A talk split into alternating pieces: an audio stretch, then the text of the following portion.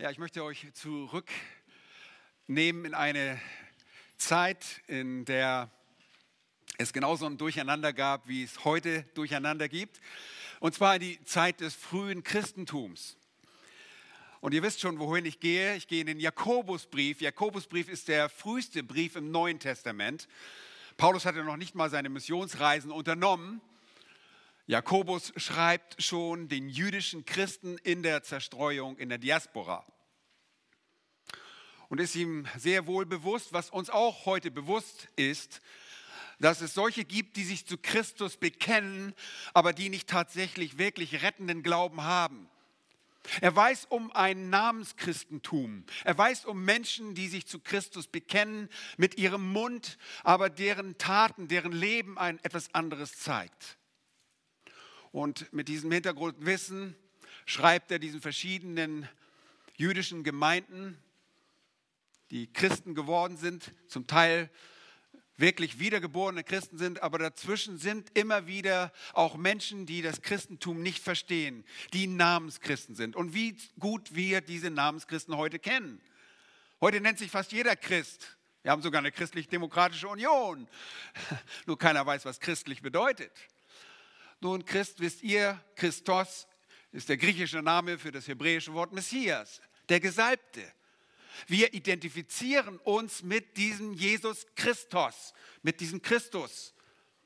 Und das taten die Menschen damals auch. Sie bekannten sich zu Jesus Christus. Aber ein Christ zu sein bedeutet nicht nur, dass wir das verbal bekennen, sondern dass sich unser Leben tatsächlich verändert, dass Gott unser Leben verändert. Und das auszuschließen, dass jemand von sich meint, äh, wirklich ein Christ zu sein, es aber nicht ist und keinen rettenden Glauben hat, schreibt Jakobus als Pastor aus Jerusalem an die verschiedenen Gemeinden im römischen Reich in der Diaspora. Er schreibt ihnen und gibt ihnen bestimmte Prüfungskriterien an die Hand, anhand derer sie wirklich prüfen konnten, ob sie rettenden Glauben hatten oder nicht. Heute kommen wir weiter zu einer weiteren Prüfung. Der Predigtext heute Morgen ist aus dem Jakobusbrief, Kapitel 4, die Verse 13 bis 17. Und ich lese diese Verse vor aus der Elberfelder Übersetzung. Da heißt es, nun, also, die ihr sagt, Heute oder morgen wollen wir in die und die Stadt gehen und dort ein Jahr zubringen und Handeln treiben und Gewinn machen. Die ihr nicht wisst, wie es morgen um euer Leben stehen wird. Denn ihr seid ein Dampf, der eine kleine Zeit sichtbar ist und dann verschwindet. Statt dass ihr sagt, wenn der Herr will, werden wir sowohl leben als auch dieses und jenes tun. Nun aber rühmt ihr euch in euren Großtuereien. Alles solches Rühmen ist böse. Wenn nun weißt, Gutes zu tun und tut es nicht, dem ist es Sünde. Lieben, die Merkmale eines Christen sind verschieden. Es gibt viele. Es gibt die Liebe zu Gott, die der Christ aufweist. Es gibt Buße von Sünde, das heißt Umkehr von Sünde, weg zu dem Willen Gottes. Es gibt Demut, es gibt Hingabe der Ehre Gottes. Wir reden immer davon, dass wir Gott ehren wollen. Es gibt die Liebe zu anderen, es gibt Gebet. Das ist typisch für einen Christen, dass er mit seinem, mit seinem Gott redet. Es gilt Absonderung von der Welt. Nun, wir sind immer noch in der Welt, wir schweben nicht über dem Erdboden, wir sind ganz normale Menschen. Aber das ist ein Kriterium, ein Kennzeichen eines Christen. Er sondert sich ab. Er läuft nicht mit in den gleichen Schlamm wie die Welt es tut. Es gibt Wachstum, es gibt Gehorsam, aber nichts fasst den Charakter eines Christen besser zusammen, als dass ein Christ begehrt, den Willen Gottes zu tun. Achtet noch mal genau, wie ich das gesagt habe.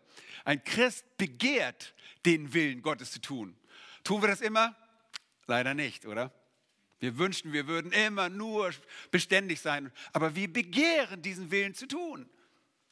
Im Psalm 40 und Vers 9 sagt David, in einigen Versen ist es auch, äh, Übersetzung ist es auch Vers 8, sagt David, dein Willen zu tun, mein Gott, begehre ich und dein Gesetz ist in meinem Herzen. Später im Psalm 143, Vers 10 sagt er noch, lehre mich zu tun nach deinem Wohlgefallen oder nach deinem Willen, denn du bist mein Gott. Dein guter Geist leite mich in ebenes Land. Auch Jesus lehrt das. In äh, Markus Evangelium Kapitel 3, Vers 35 lesen wir, wer den Willen Gottes tut, sagt er, der ist mein Bruder und meine Schwester und meine Mutter. Und Johannes 7, Vers 17 sagt Jesus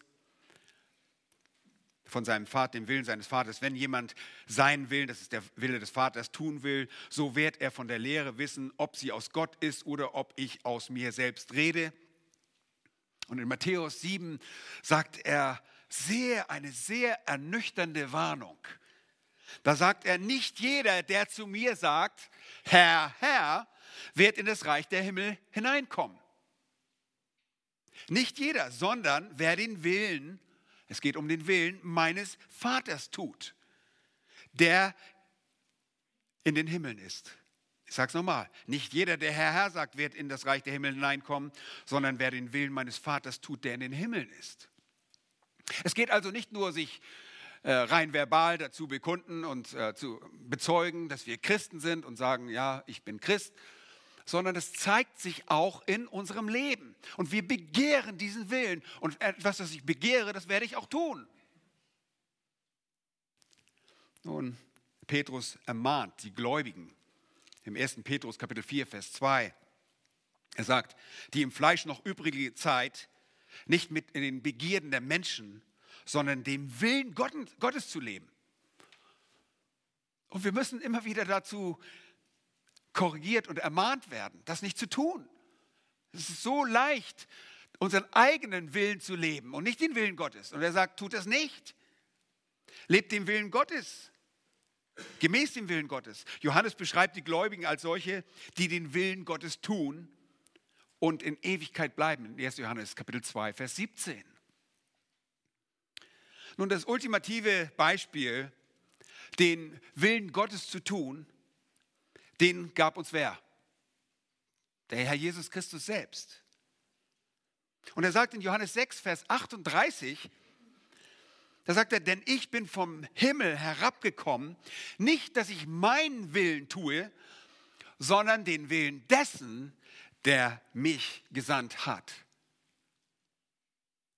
So auch in Johannes 5, Vers 13, 30. Ich kann nichts von mir selbst tun. So wie ich höre, richte ich und mein Gericht ist gerecht, denn ich suche nicht meinen Willen, sondern den Willen dessen, der mich gesandt hat. Ihr Lieben, ein Christ ist jemand, der den Willen Gottes begehrt zu tun.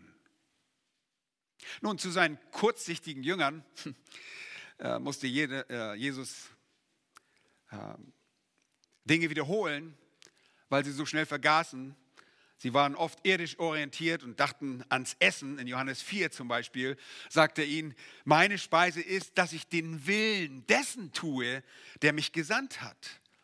Nun, sie dachten an das Brot, an das Essen, an das physische Essen, an das leibliche Wohl. Und er dachte daran, den Willen dessen zu tun, der ihn gesandt hat.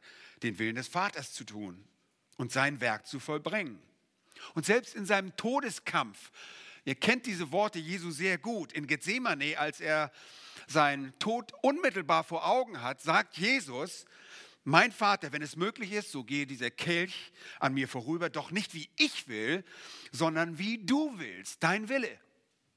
Und wir sehen das grundsätzlich, dass der Wille Jesu immer mit dem Willen des Vaters übereinstimmt. Der Wille ist nie ein anderer. Sein Wille deckt sich immer mit dem Willen seines Vaters. Und der Herr Jesus lebte uns das perfekte und das essentielle Element eines Verhältnisses vom, zum Vater vor. Und das ist der Gehorsam gegenüber seinem Willen. Nun, für die Empfänger des Jakobusbriefes wird der gelebte Gehorsam ein weiterer Test des wahren Glaubens. Der gelebte Gehorsam, ob wir gehorsam sind gegenüber dem Willen Gottes zeigt, ob du wahrhaftig rettenden Glauben hast oder nicht. Wahre Christen sind dadurch gekennzeichnet, dass sie den Willen Gottes von Herzen tun. So heißt es in äh, Epheser 6, Vers 6. Und zwar nicht mit Augendienerei, um Menschen zu gefallen. Ihr wisst, wie das geht. Chef guckt, alle mal schnell arbeiten, Chef weg, Pause. Ja, nein.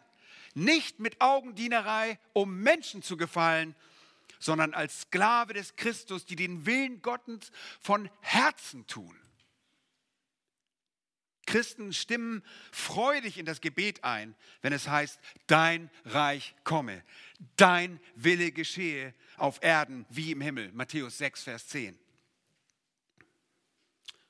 Die Haltung des Apostel Paulus in Römer 7, 22 ist nur eine andere Art und Weise, um die gleiche Einstellung auszudrücken. Da heißt es, denn ich habe nach meinem inneren Menschen Wohlgefallen am Gesetz Gottes.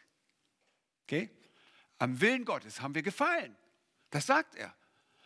Und er zeigt uns auch die andere Seite, dass er das tut, was er nicht will. Aber er hat vom Inneren ein Wohlgefallen daran. Deshalb sage ich, es ist ein Kennzeichen eines Christen, dass wir den Willen Gottes begehren zu tun.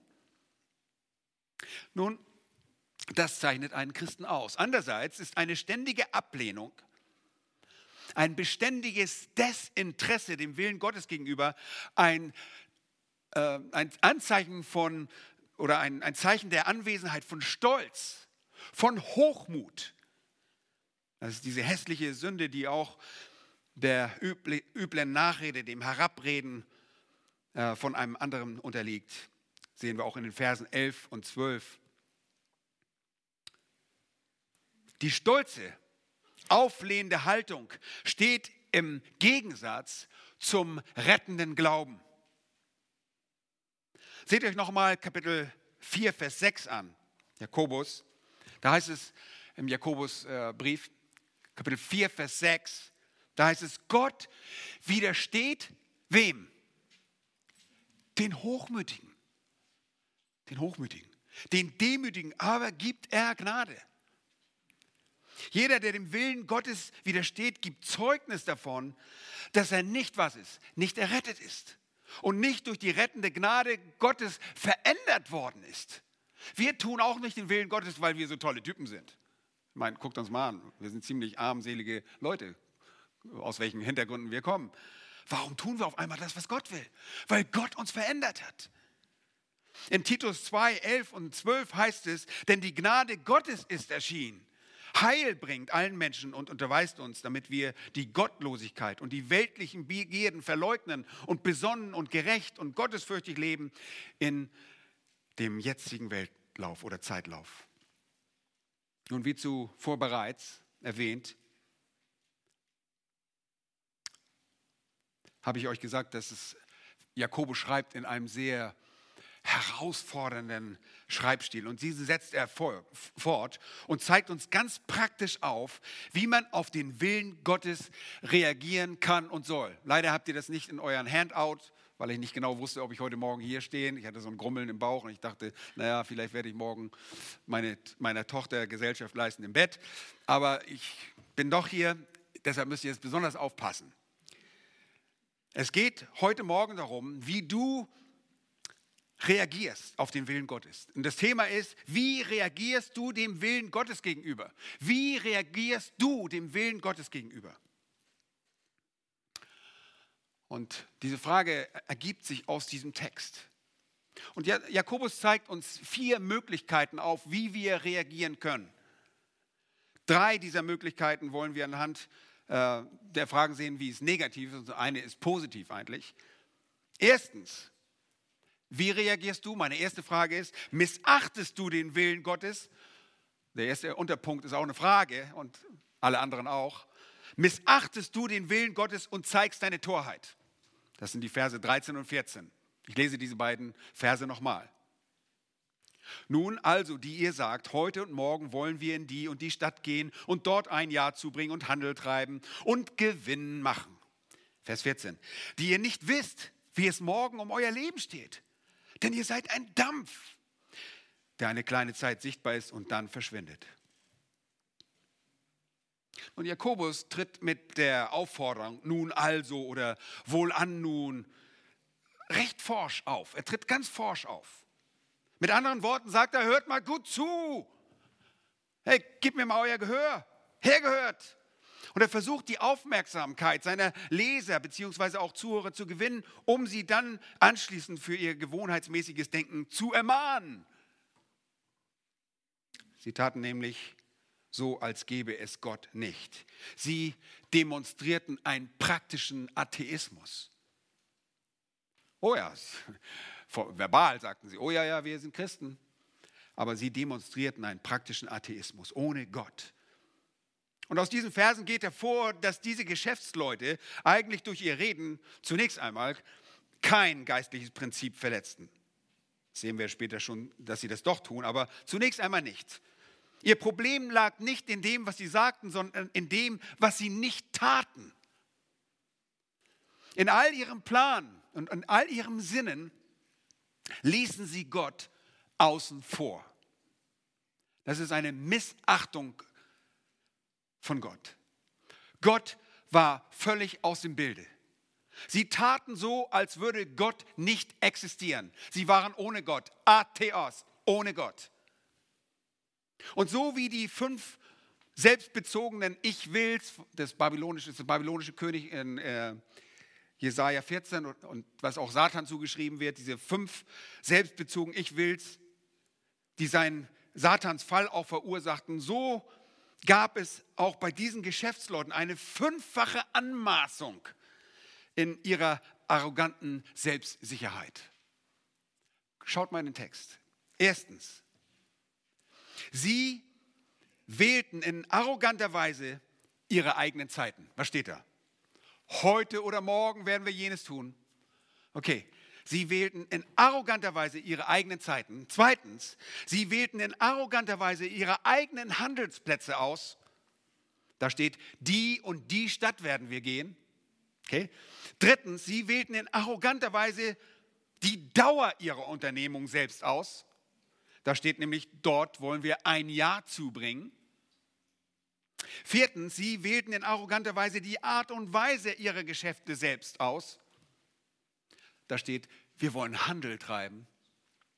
Und fünftens, sie wählten und steckten in arroganter Weise die eigenen Ziele ihrer Geschäfte. Was wollten sie machen? Gewinn. Gewinn machen. Nun, achte mal drauf, Jakobus greift nicht ihre Motive an, irgendwie Geld zu machen. Da ist nichts Verkehrtes dran. Es ist nichts dagegen einzuwenden, wenn man gute Geschäftsplanung macht. Das ist überhaupt kein Problem. Das muss man sogar machen. Wenn du Verstand hast, dann musst du gut planen. Es war nichts dagegen einzuwenden, dass sie Geschäfte machen wollten. Oder dass sie gar hart arbeiten wollten. Das müsst ihr sogar, sonst seid ihr Faulpelze. Der Kritikpunkt ist vielmehr jener, dass sie Gott bei all diesem Plan ausließen. Der erscheint gar nicht dabei. Sie sagen, das und das machen wir, das und das werden wir tun. In all dem handelten sie, als wären sie allwissend. In all dem taten sie, als wären sie allmächtig, als wären sie unverletzbar. Und ihr erinnert euch vielleicht an Jesus, der in einem Gleichnis sowas schon mal angeprangert hat. Jesus selbst warnte schon einmal in einem Gleichnis vor einer solchen anmaßenden und törichten Handlung, Gott im Plan zu missachten. Schlagt einmal bitte auf Lukas 12. Lukas 12 erzählt er in dieses Gleichnis vor diesem törichten Mann, der eine gute Ernte eingefahren hat. Und dort, Lukas 12, von Vers 16 an, es fängt schon ein bisschen früher an, aber ich lese von Vers 16. Und er sagte ihnen ein Gleichnis und sprach, das Feld eines reichen Mannes hatte viel Frucht getragen. Und er überlegte bei sich und sprach, hm, was soll ich tun, da ich keinen Platz habe, wo ich meine Früchte aufspeichern kann? Und er sprach, das will ich tun. Ich will meine Scheunen abbrechen und größere bauen und will darin alles, was mir gewachsen ist und meine Güter aufspeichern. Und will zu meiner Seele sagen, Seele, ah, du hast einen Wunder, einen großen Vorrat auf viele Jahre. Hab nun Ruhe, iss, trink und sei guten Mutes. Na, immerhin hat er sich schon mal selbst angepredigt. Das sagen wir ja auch. Wir sollen uns immer selbst anpredigen. Er spricht zu seiner Seele. Das sollen wir auch tun. Aber er predigt dich die falschen Dinge an. Vers 20. Aber Gott sprach zu ihm, du Narr, du Tor, in dieser Nacht wird man deine Seele von dir fordern. Und wem wird gehören, was du bereitet hast? So geht es dem, der für sich selbst Schätze sammelt und nicht reich ist für Gott. In Vers 14 in unserem Text, in Jakobus 4, gibt uns Jakobus zwei Gründe, Zwei Gründe, die die Torheit der sich anmaßenden Missachtung des Willens Gottes aufzeigt. Zwei Gründe. Erstens sagt er, die ihr nicht wisst, wie es morgen um euer Leben stehen wird. In anderen Worten gesagt, ihr seid nicht allwissend. Das wisst ihr nicht. Ihr kennt eure Zukunft nicht. Und deshalb prahlt nicht mit eurer Zukunft herum. Sprüche 28, 1 sagt, rühme dich nicht des morgigen Tages, denn du weißt nicht, was ein Tag gebiert. Ihr Lieben, das Leben ist komplex. Und wir haben wenig oder gar keinen Einfluss darauf, was die Zukunft uns bringt. Klar, wir denken alle, wir fahren nachher nach Hause, essen uns an unseren, setzen uns an den Tisch und hoffentlich ist der Braten aus der Röhre, kommt fertig, alles fertig. Was, was weißt du denn? Weißt du, ob du zu Hause ankommst? Nein, du weißt es nicht. Weißt nicht mal, ob dieses Haus nachher noch steht. Keine Ahnung. Das Leben ist komplex. Und wir bilden uns ein, wir wüssten alles und könnten einfach ohne Gott planen.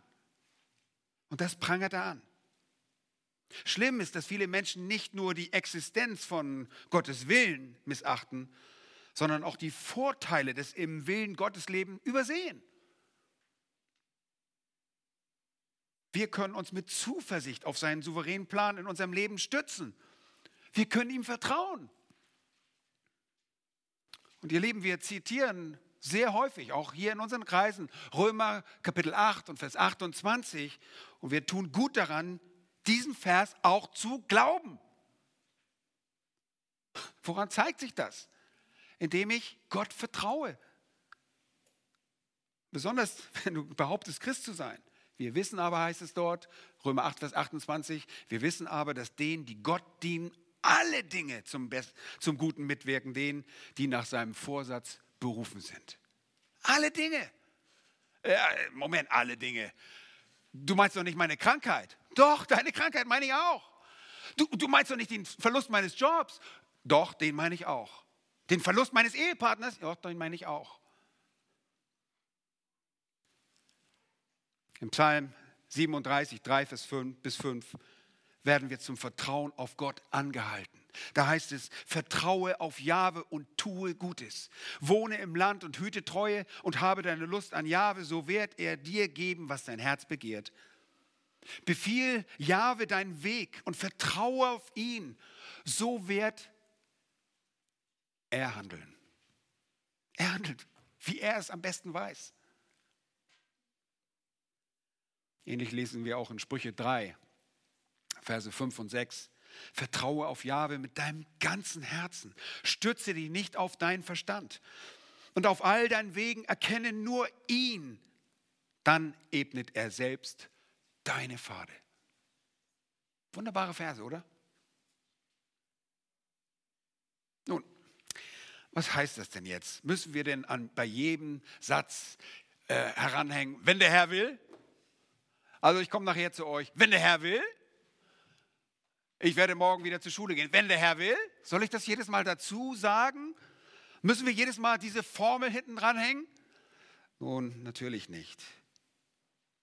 Keineswegs. Vertrauen ist nicht eine verbal ausgedruckte Formel, sondern wir sollen beim Plan Gott im Herzen berücksichtigen und im Blickfeld haben und in der Planung Gott nicht außer Acht lassen und damit rechnen, dass sich Dinge ändern können, so wie er das will.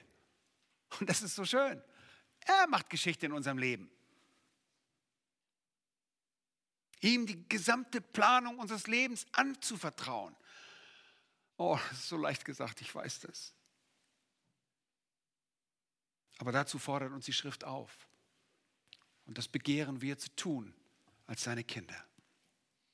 Nun, ihr seid nicht allwissend. Er ist es. Der zweite, die zweite Begründung, die Jakobus hier aufzeigt, die die Torheit der sich anmaßenden Missachtung des Willens Gottes aufzeigt, ist, denn ihr seid was? Dampf. Ist wunderbar. Ihr seid ein Dampf, der eine kleine Zeit sichtbar ist und dann verschwindet. Das spricht von unserer Kurzlebigkeit. Jakobus zeigt uns, wie vergänglich und wie kurz unser Leben wirklich ist. Und ihr Lieben, diese Illustration können wir sehr gut verstehen. Wir, wir, kennen den Dampf, der aus dem Teekessel kommt, der in einem Moment da ist und dann wieder weg ist. Wir kennen Rauch, der aufsteigt und vom Wind auf einmal weg ist. Lieben, so ist unser Leben. Oh, ich bin jetzt 20 Jahre alt. Ich habe noch so viel vor mir. Ah, ich war auch gerade erst 20. Glaubt ihr mir das nicht? Ich meine, ich sehe noch aus wie 20, aber nein. Okay, alles klar. Keine Kommentare bitte. Unser Leben ist kurz. Wie der Wasserdampf eines Teekessels sich schnell verflüchtet, so vergeht das Leben eines Menschen. Und in seinem Buch betrauert Hiob diese Tatsache. Hiob sagt in Kapitel 7, Vers 6, meine Tage gleiten schneller dahin als ein Weberschiffchen und schwinden ohne Hoffnung. Nun, ihr wisst natürlich, was ein Webeschiffchen ist. Das ist in, äh, bei einem Webstuhl ein bestimmtes Teil, ein, ein Instrument, das zwischen den äh, Kettfäden immer hin und her geht. Äh, gebraucht man heute auch nicht. Ich sehe euch das gar nicht nach. Ich wusste das auch nicht, muss auch erstmal gucken. Sieht aber aus wie so ein kleines Schiffchen. Und die Form macht es möglich, dass es immer ziemlich schnell hin und her geht. Aber schneller dahin als ein Weberschiffchen geht das Leben, die Tage. Und dann sagt er in Kapitel 9, Vers 25 und 26, und meine Tage sind schneller dahin geeilt als ein Läufer. Sie sind entflohen, haben nichts Gutes gesehen. Sie sind vorübergezogen wie Rohrschiffe auch das weiß ich nicht ganz genau. Rohrschiffe wurden in späteren Zeitaltern, das waren Dampfschiffe, aber woher das Rohrschiff kommt, weiß ich nicht ganz genau. Wie ein Adler, das weiß ich wieder, der sich auf, Art, auf seine Beute stürzt. Man, habt ihr mal das beobachtet? Vielleicht nicht ein Adler, aber ein Bussard in diesen Regionen, der seine Beute packt und feilschnell auf seine Beute sich stürzt. So vergeht das Leben, das ist der Vergleichspunkt hier. Plötzlich, blitzschnell, sind diese Raubvögel im Angriff auf ihre Beute. Genauso schnell vergeht das Leben. Und Mose lehrt uns in äh, Psalm 90 und Vers 10, die Tage unserer Jahre sind 70 Jahre. Und wenn in Kraft 80 Jahre und ihr Stolz ist Mühe und Nichtigkeit, denn schnell eilt es vorüber und wir fliegen dahin. Und im Psalm 102 und Vers 11, je nach Übersetzung ist es auch manchmal Vers 12, sagt der Psalmist, meine Tage sind wie ein gestreckter Schatten, ich verdorre wie Gras. Und Schatten sind abhängig von der Sonne, die diesen Schatten erzeugt. Ihr könnt euch vorstellen, so schnell, wie ein gestreckter Schatten sagt, spricht davon, dass die Sonne schon tief steht und sie ist bald weg. Psalm 103, Vers 15 und 16 sagt David, der Mensch, wie Gras sind seine Tage, wie die Blume des Feldes, so blüht er. Und dann fährt ein Wind darüber, so ist sie nicht mehr da und ihr Ort kennt sie nicht mehr. Und ihr denkt vielleicht an euer Gras in eurem Garten, das nie irgendwie eingehen zu äh, scheint. Äh, in, in Israel geht das ganz schnell. Ein heißer Wind und das grüne Gras ist braun, ist tot die Pflanzen, eine, einen heißen Wüstenwind und es ist alles weg. Und Jakobus ruft hier deshalb zum ernsthaften Nachdenken auf. Er will alle wachrütteln, die den Willen Gottes als nicht existent erklären, die diesen Willen Gottes missachten und Gott außen vor lassen. Nun, meine Frage an dich ist, wie reagierst du auf den Willen Gottes? Wie reagierst du? Das, erinnert ihr euch, das war mein Thema. Wie reagierst du dem Willen Gottes gegenüber? In Missachtung oder Meine zweite Frage, lehnst du dich gegen den Willen Gottes auf? Lehnst du den Willen Gottes ab vielmehr und zeigst deine Arroganz? Lehnst du den Willen Gottes ab und zeigst deine Arroganz? Vers 16. Da heißt es, nun aber rühmt ihr euch in Großtuereien. Alles solches Rühmen ist böse. Nun, diese Geschäftsleute, die haben geprahlt. Und jetzt geht es nicht nur um die Missachtung dem Willen Gottes gegenüber, sondern um die Arroganz, den Willen abzulehnen, also den bekannten Willen Gottes abzulehnen. Sich rühmen, und das Wort bedeutet eigentlich laut, aussprechend, kann zum einen positiv sein, ja, so wie es in Römer Kapitel 5, Vers 3 heißt es, äh, nicht allein, aber das, wir rühmen uns auch den, in Bedrängnissen, sagt Paulus. Wir rühmen uns nicht nur des Christus, sondern auch in Bedrängnissen, da wir wissen, dass die Bedrängnis was bewirkt. Ausharren ist genau das, was Jakobus in Kapitel 1 sagt. Aber das laute Sprechen kann eben auch negativ sein, so wie hier. Nämlich immer dann, wenn man die eigenen Errungenschaften hervorhebt und sagt, hey, wir haben ein tolles Geschäft getrieben. Letztes Jahr haben wir denen richtig die Knete aus den, aus, den, äh, aus den Hosentaschen gezogen. Das machen wir nächstes Jahr wieder. Und ich weiß schon, wo wir hingehen. In die Stadt und den Stadt. Oh, ich sag's dir, in einem Jahr, da sind wir steinreich. Nein. Jakobus sagt, dass all dieses Rühmen und Angeben von der Arroganz spricht, die den Willen Gottes ablehnt. Diese Arroganz wird deutlich in den Worten über Babylon. In Jesaja Kapitel 47, die Verse 7 bis 10 wird das ausgedrückt. Dort lesen wir und ich lese euch das vor. Ihr braucht nicht da unbedingt hingehen. Da heißt es: Und du sagtest, Babylon, die scheinbar unverwüstliche Stadt, du sagtest, auf ewig, ewig werde ich Herren sein, für immer. Du nahmst dir dies nicht zu Herzen. Das Ende davon bedachtest du nicht. Und nun höre du dies, du Wollüstige, die in Sicherheit wohnt, die in ihrem Herzen sagt, ich und sonst gar nichts. Ich werde nicht als Witwe sitzen, noch Kinderlosigkeit kennen. Dies beides wird über dich kommen in einem Augenblick, an einem einzigen Tag. Kinderlosigkeit und Witwenschaft. In vollem Maße werden sie über dich kommen, trotz der Menge deiner Zaubereien, trotz der gewaltigen Fülle deiner Bannsprüche aber du vertrautest auf deine Bosheit. Du sagtest, niemand sieht mich, deine Weisheit und dein Wissen, das hat dich irregeführt. Und du sagtest in deinem Herzen, ich und sonst gar nichts. Hey, kommt uns das vertraut vor?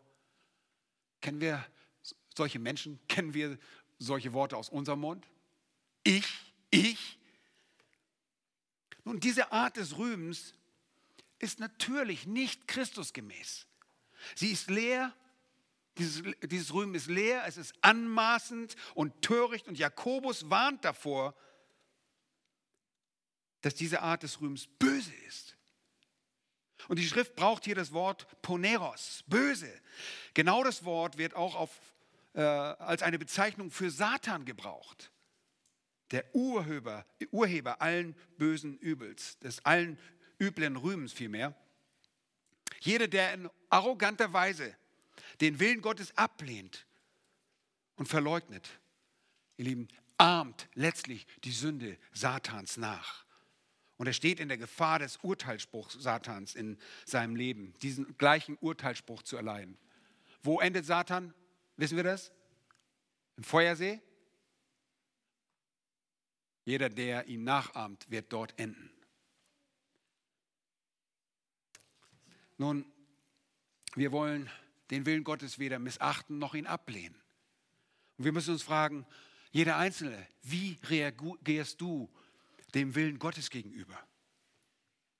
Drittens zeigt uns Vers 17 auf, bist du dem Willen Gottes gegenüber ungehorsam und sündigst du?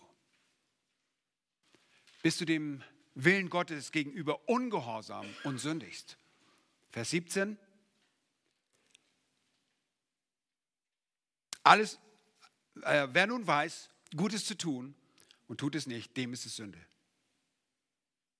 Alle, die sich in dieser Art und Weise am Willen Gottes versündigen, Nun, anerkennen zwar die Existenz und Überlegenheit seines Willens, aber sie fahren fort und sind ihm gegenüber ungehorsam. Und Jakobus warnt deshalb eindringlich davor, diesen zu missachten, ihn abzulehnen und wenn wir ihn kennen, ihm gegenüber ungehorsam zu sein. Bei diesem Vers 17 sprechen wir oft von der, der Sünde, der Unterlass, von der sogenannten Unterlassungssünde. Erinnert euch, ja, manche sagen, ja gut, wenn ich schlafe, dann kann ich keinen Fehler machen. Oder? Das stimmt nicht. Du versäumst Dinge zu tun, die von dir erwartet werden als Christ. Die Unterlassung seines Willens zu tun, ist, dabei handelt es sich nicht nur um irgendeine Option, dass du sagst vielleicht, oh, heute Nachmittag könnte ich noch ins Altersheim gehen und einer alten Frau helfen oder einen Besuch abstatten. Das ist damit nicht gemeint, dass du nur diese Dinge auslässt, sondern grundsätzlich, dass du Dinge nicht tust, die von dir als Christ erwartet werden. Das ist damit gemeint. Dass du dem Willen Gottes folgst in allem. Versteht ihr das? Wir kennen den Willen. Wo kennen wir den Willen? Aus dem Wort Gottes. Deshalb lesen wir immer die Bibel. Ja? Christen müssen die Bibel kennen, weil da der Wille Gottes ist. Und wenn wir ihn kennen, dann wollen wir diesen Willen gehorsam sein. Nun, da sind vor allem die beständigen Gedanken des Jakobus, dass er sagt, alles, was ihr wisst, das müsst ihr tun. Das hat er schon in Kapitel 2 zum Ausdruck gebracht. Er sagt, was nützt es, meine Brüder, wenn jemand von euch sagt, er habe Glauben, aber er hat keine Werke? Kann etwa dieser Glaube ihn retten? Nein. Haben wir schon abgehakt, oder? Wissen wir schon.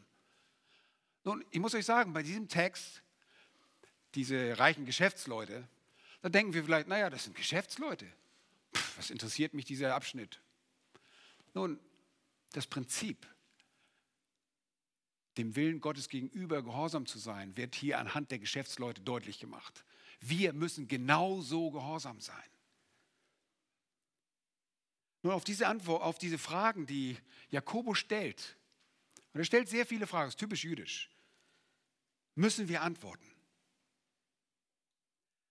Wir wissen, ein Glaube ohne Werke ist tot.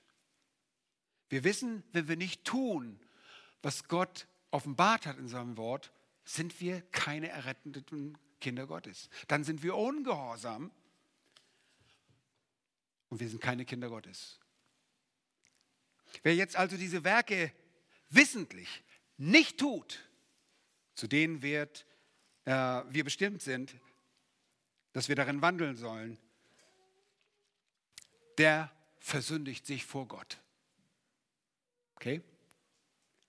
Ein beständiges Versagen dieser Taten zeugt davon, also ein beständiges Nicht-Tun dieser Taten, die wir tun sollen, zeugt davon, dass dein Leben noch nicht durch die Gnade Gottes verändert wurde und dass du dich ihm noch nicht unterworfen hast. Ja, selbst wenn du um den Willen Gottes weißt. Erinnert euch? Wie war das mit den Dämonen? Die Dämonen kannten auch und glaubten sogar, aber sie haben nicht getan, was Gott gesagt hat. Selbst wenn wir das alles wissen, es nützt nichts, wenn wir intellektuell davon überzeugt sind, dass Gott recht hat. Du musst dich ihm unterwerfen. Ihr Lieben, diese Sünde des Ungehorsams und des Nichttuns, obwohl wir wissen, was Gott von uns erwartet, ist größer als die anderen beiden zuvor. Wie das Gleichnis aus Lukas 12 zeigt. Schlag bitte mal mit mir auf Lukas 12. In Lukas 12, Vers 41 und folgende lesen wir.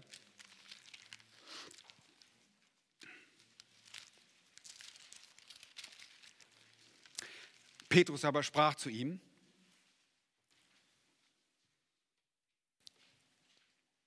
und in Bezug auf sein Gleichnis, das er erzählt hat, Herr, sagst du dieses Gleichnis zu uns oder auch zu allen? Und der Herr sprach, wer ist nun der treue und kluge Verwalter, den der Herr über sein Gesinde setzen wird, um ihm die zugemessene Speise zu geben zur rechten Zeit. Glückselig jener Sklave, den sein Herr, wenn er kommt, bei solchen Tun findet, finden wird. Vers 44, in Wahrheit sage ich euch, dass er ihn über seine ganze Habe setzen wird. Vers 45, wenn aber jener Sklave in seinem Herzen sagt, mein Herr lässt sich Zeit mit dem Kommen und fängt an, die Sklaven und Mägde zu schlagen und zu essen und zu trinken und sich zu berauschen, so wird der Herr jenes Sklaven kommen an einem Tag, an dem er es nicht erwartet und in einer Stunde, die er nicht weiß, und wird ihn entzweischneiden und ihm sein Teil festsetzen bei den Ungläubigen. Jener Sklave aber, der den Willen des Herrn wusste und sich nicht bereitet, seht ihr, hier ist jemand, der den Willen Gottes kannte und sich nicht bereitet, noch nach seinem Willen getan hat, wird mit vielen Schlägen geschlagen werden. Vers 48. Wer ihn aber nicht wusste, aber getan hat, was der Schläge wert ist, wird mit wenigen geschlagen werden. Jeden aber, dem viel gegeben ist, wird viel von ihm verlangt werden.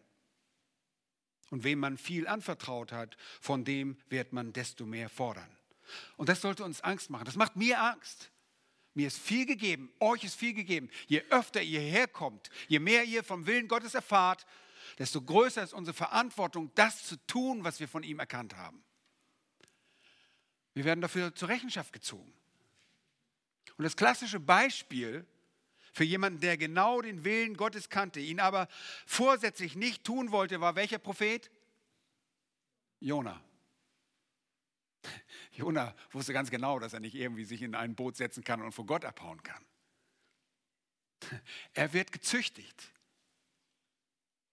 Alle, die dem Willen Gottes gegenüber ungehorsam sind, werden genauso die Konsequenzen des Ungehorsams erleiden müssen.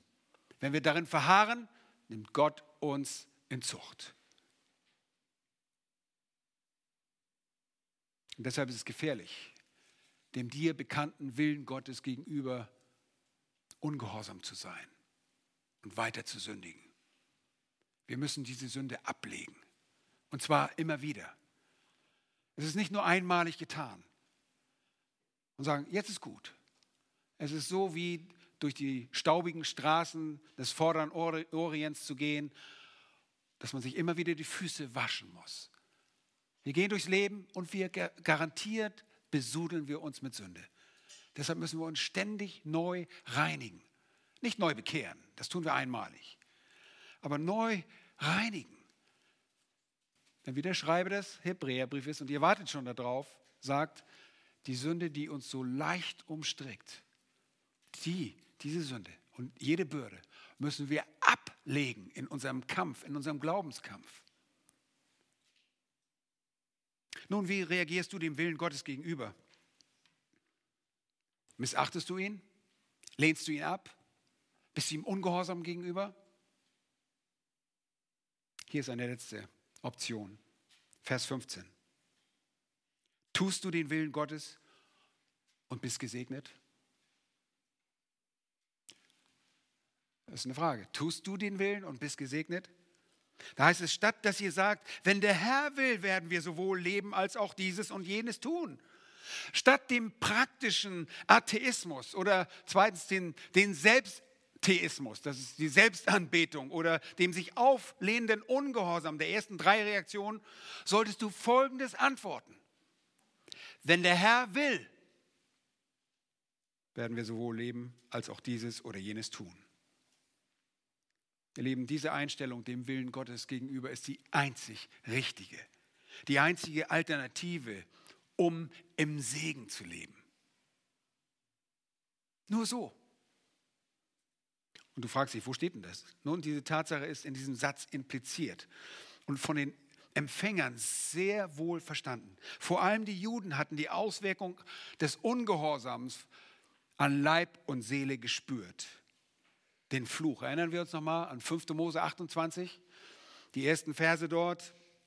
In Kapitel 28 sprechen davon, da heißt es, und es wird geschehen, wenn du der Stimme Jahwes deines Gottes genau gehorchst, dass du darauf achtest, alle seine Gebote zu tun, die ich dir heute befehle, dann wird Jahwe, dein Gott, dich als Höchste über alle Nationen der Erde stellen. Und dann kommt eine ganze Reihe von Segnungen, die aufgrund des Gehorsams folgen. Aber die Israeliten wussten sehr gut und wissen das heute, oder spüren es heute noch, sie wissen es nicht. Aber warum sind sie so geplagt? Weil sie ungehorsam sind.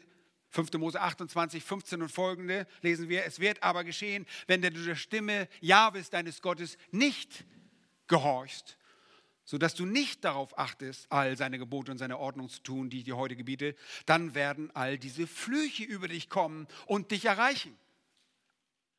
Ihr Lieben, das ist bis zum heutigen Tag noch so. Die Juden sind überall verstreut in der ganzen Welt. Warum? Weil das angekündigt wurde. Wenn du deinem Gott nicht gehorchst, dann werde ich dich in die ganze Welt zerstreuen. Sie sind blind für das Evangelium. Sie haben keine Beziehung zu dem Retter, Jesus Christus.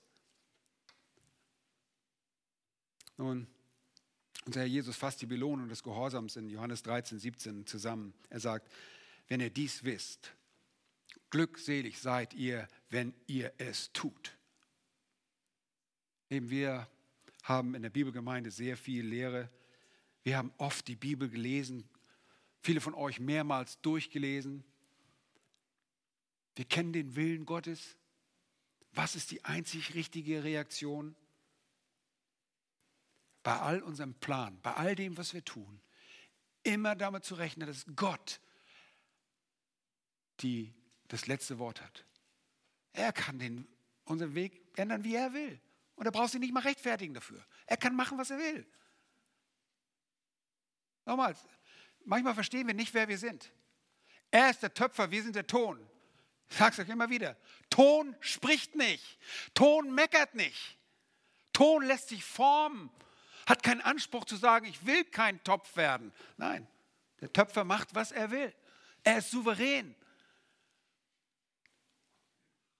Darauf wollen wir vertrauen. Wenn wir so planen, können wir befreit aufleben. Denn Gott weiß, was morgen ist. Du weißt es nicht. Du weißt nicht, was morgen ist. Kannst nicht mal wissen, was in einer Minute ist. Meine Frage an dich heute Morgen ist, wie reagierst du dem Willen Gottes gegenüber? Nun, vielleicht ist das alles für dich total fremd und sagst, ich weiß überhaupt nichts über den Willen Gottes, dann wird es Zeit, dass du weißt, dass Gott jeden Mensch, der auf diese Erde kommt, strafen muss. Er muss strafen, das entspricht seiner Gerechtigkeit. Warum? Weil wir alle Sünder sind. Die Bibel sagt, da ist nicht einer, der an die Herrlichkeit Gottes heranreicht. Wir sind alle Sünder und mangeln an seiner Herrlichkeit. Und er muss deshalb strafen. Das ist Gott, das ist sein Wesen. Und jetzt kann eine Sekte daherkommen und kann sagen, na, so will ich meinen Gott nicht haben. Und dann drehen sie daran rum und dann gibt es wieder eine neue Sekte und wir haben genug Sekten und genug Gruppierungen und jeder sagt, wir haben die Wahrheit. Ich sage, lasst uns mal zum Wort Gottes gehen. Was sagt die Bibel? Lest ihr überhaupt noch die Bibel? Guckt mal, was die Bibel sagt. Das ist der Maßstab. Nicht eure Wachturmgesellschaft, nicht euer Guru, der da vorne steht, sondern die Bibel ist die Autorität. Auch ich bin keine Autorität, sondern das Wort Gottes ist die Autorität. Gott muss strafen, sagt er. Die Strafe ist die ewige Verdammnis. Oh, das ist doch Mittelalter. Das kann man doch nicht mehr glauben. Glaubt ihr noch an eine Hölle? Die Bibel redet mehr von der Hölle als vom Himmel. Sie warnt immer wieder davor. Er sagt, ich muss strafen. Ich muss Sünde strafen. Das ist mein Wesen. Genau wie Verbrecher vor einem Gericht verurteilt werden müssen. Oder möchtest du, dass der Kindermörder deines Kindes frei herumläuft? Er muss verurteilt werden. Und so muss jeder Sünder verurteilt werden. Nun, keiner von uns will eine ewige Verdammnis in einer ewigen Hölle. Und Gott ist so gnädig und hat vor Grundlegung der Welt vorgesehen, einen Retter zu schicken. Deshalb singen wir von Jesus, dass er unser Retter ist, der für uns gestorben ist, der für uns bezahlt hat, den Preis, den wir nicht zahlen konnten, mit unserem Tod. Er konnte den Preis zahlen, weil er der sündlose Gott war, der auf diese Erde kam, alle Gerechtigkeit erwirkt hat. Er nahm die Schuld auf sich. Der Zorn traf den Sohn. Und wir, die wir glauben, werden freigesprochen. Moment mal, ich muss doch irgendwas tun. Nein, du kannst nichts tun. Für deine Gerechtigkeit, für dein Heil kannst du nichts tun, du kannst nur glauben. Und dieser Glaube, wenn er ein echter Glaube ist, und das zeigt uns Jakobus auf, der verändert dein Leben, dass du was tun wirst. Aber das Werk, das du tust, das wird dir nicht angerechnet zu deiner Gerechtigkeit. Vielleicht kennst du diesen Gott noch nicht. Fang an, die Bibel zu lesen. Geh aufrichtig an die Bibel heran. Bitte ihn, dein Wort, sein Wort, dass er dir sein Wort offenbart und dass du es verstehen kannst. Und dann beuge deine Knie, damit er dir vergeben kann. Und das ist unser Wunsch. Und dann bist du nicht ein perfekter Mensch, sondern ein begnadigter Mensch, der immer wieder aus der Gnade und Barmherzigkeit des lebendigen Gottes lebt. Der sich immer wieder waschen und reinwaschen darf von der Sünde. Aber du wirst dann den Willen Gottes begehren. Du willst das tun, was Gott sagt. Dann siehst du nur bestimmte Kräfte, die dagegen angehen. Dein eigenes Fleisch, das manchmal dich, dir sagt, du bist so faul, lass das doch sein. Oder deine Gefühle dich sonst wohin treiben. In jedem Bereich können wir sündigen. Ja, Essen an sich ist nichts Schlechtes, aber wenn du frisst, ist es schlecht. Freunde zu haben, ist auch nicht schlecht, aber wenn du nur Zeit mit deinen Freunden verbrichst, ist es schlecht. Familie zu haben, ist wunderbar. Wenn du nur deine Zeit mit der Familie hast, ist es schlecht. Sex zu haben, ist wunderbar, hat Gott geschaffen. Aber wenn das nicht in dem Rahmen stattfindet, wie Gott es vorschreibt, ist es schlecht. Nun, ich habe meinen Geschwistern versprochen. Heute bin ich pünktlich und ich bin es auch. Lass uns noch beten. Herr, wir danken dir von ganzem Herzen für deine Güte, dass du deinen Willen geoffenbart hast in deinem Wort.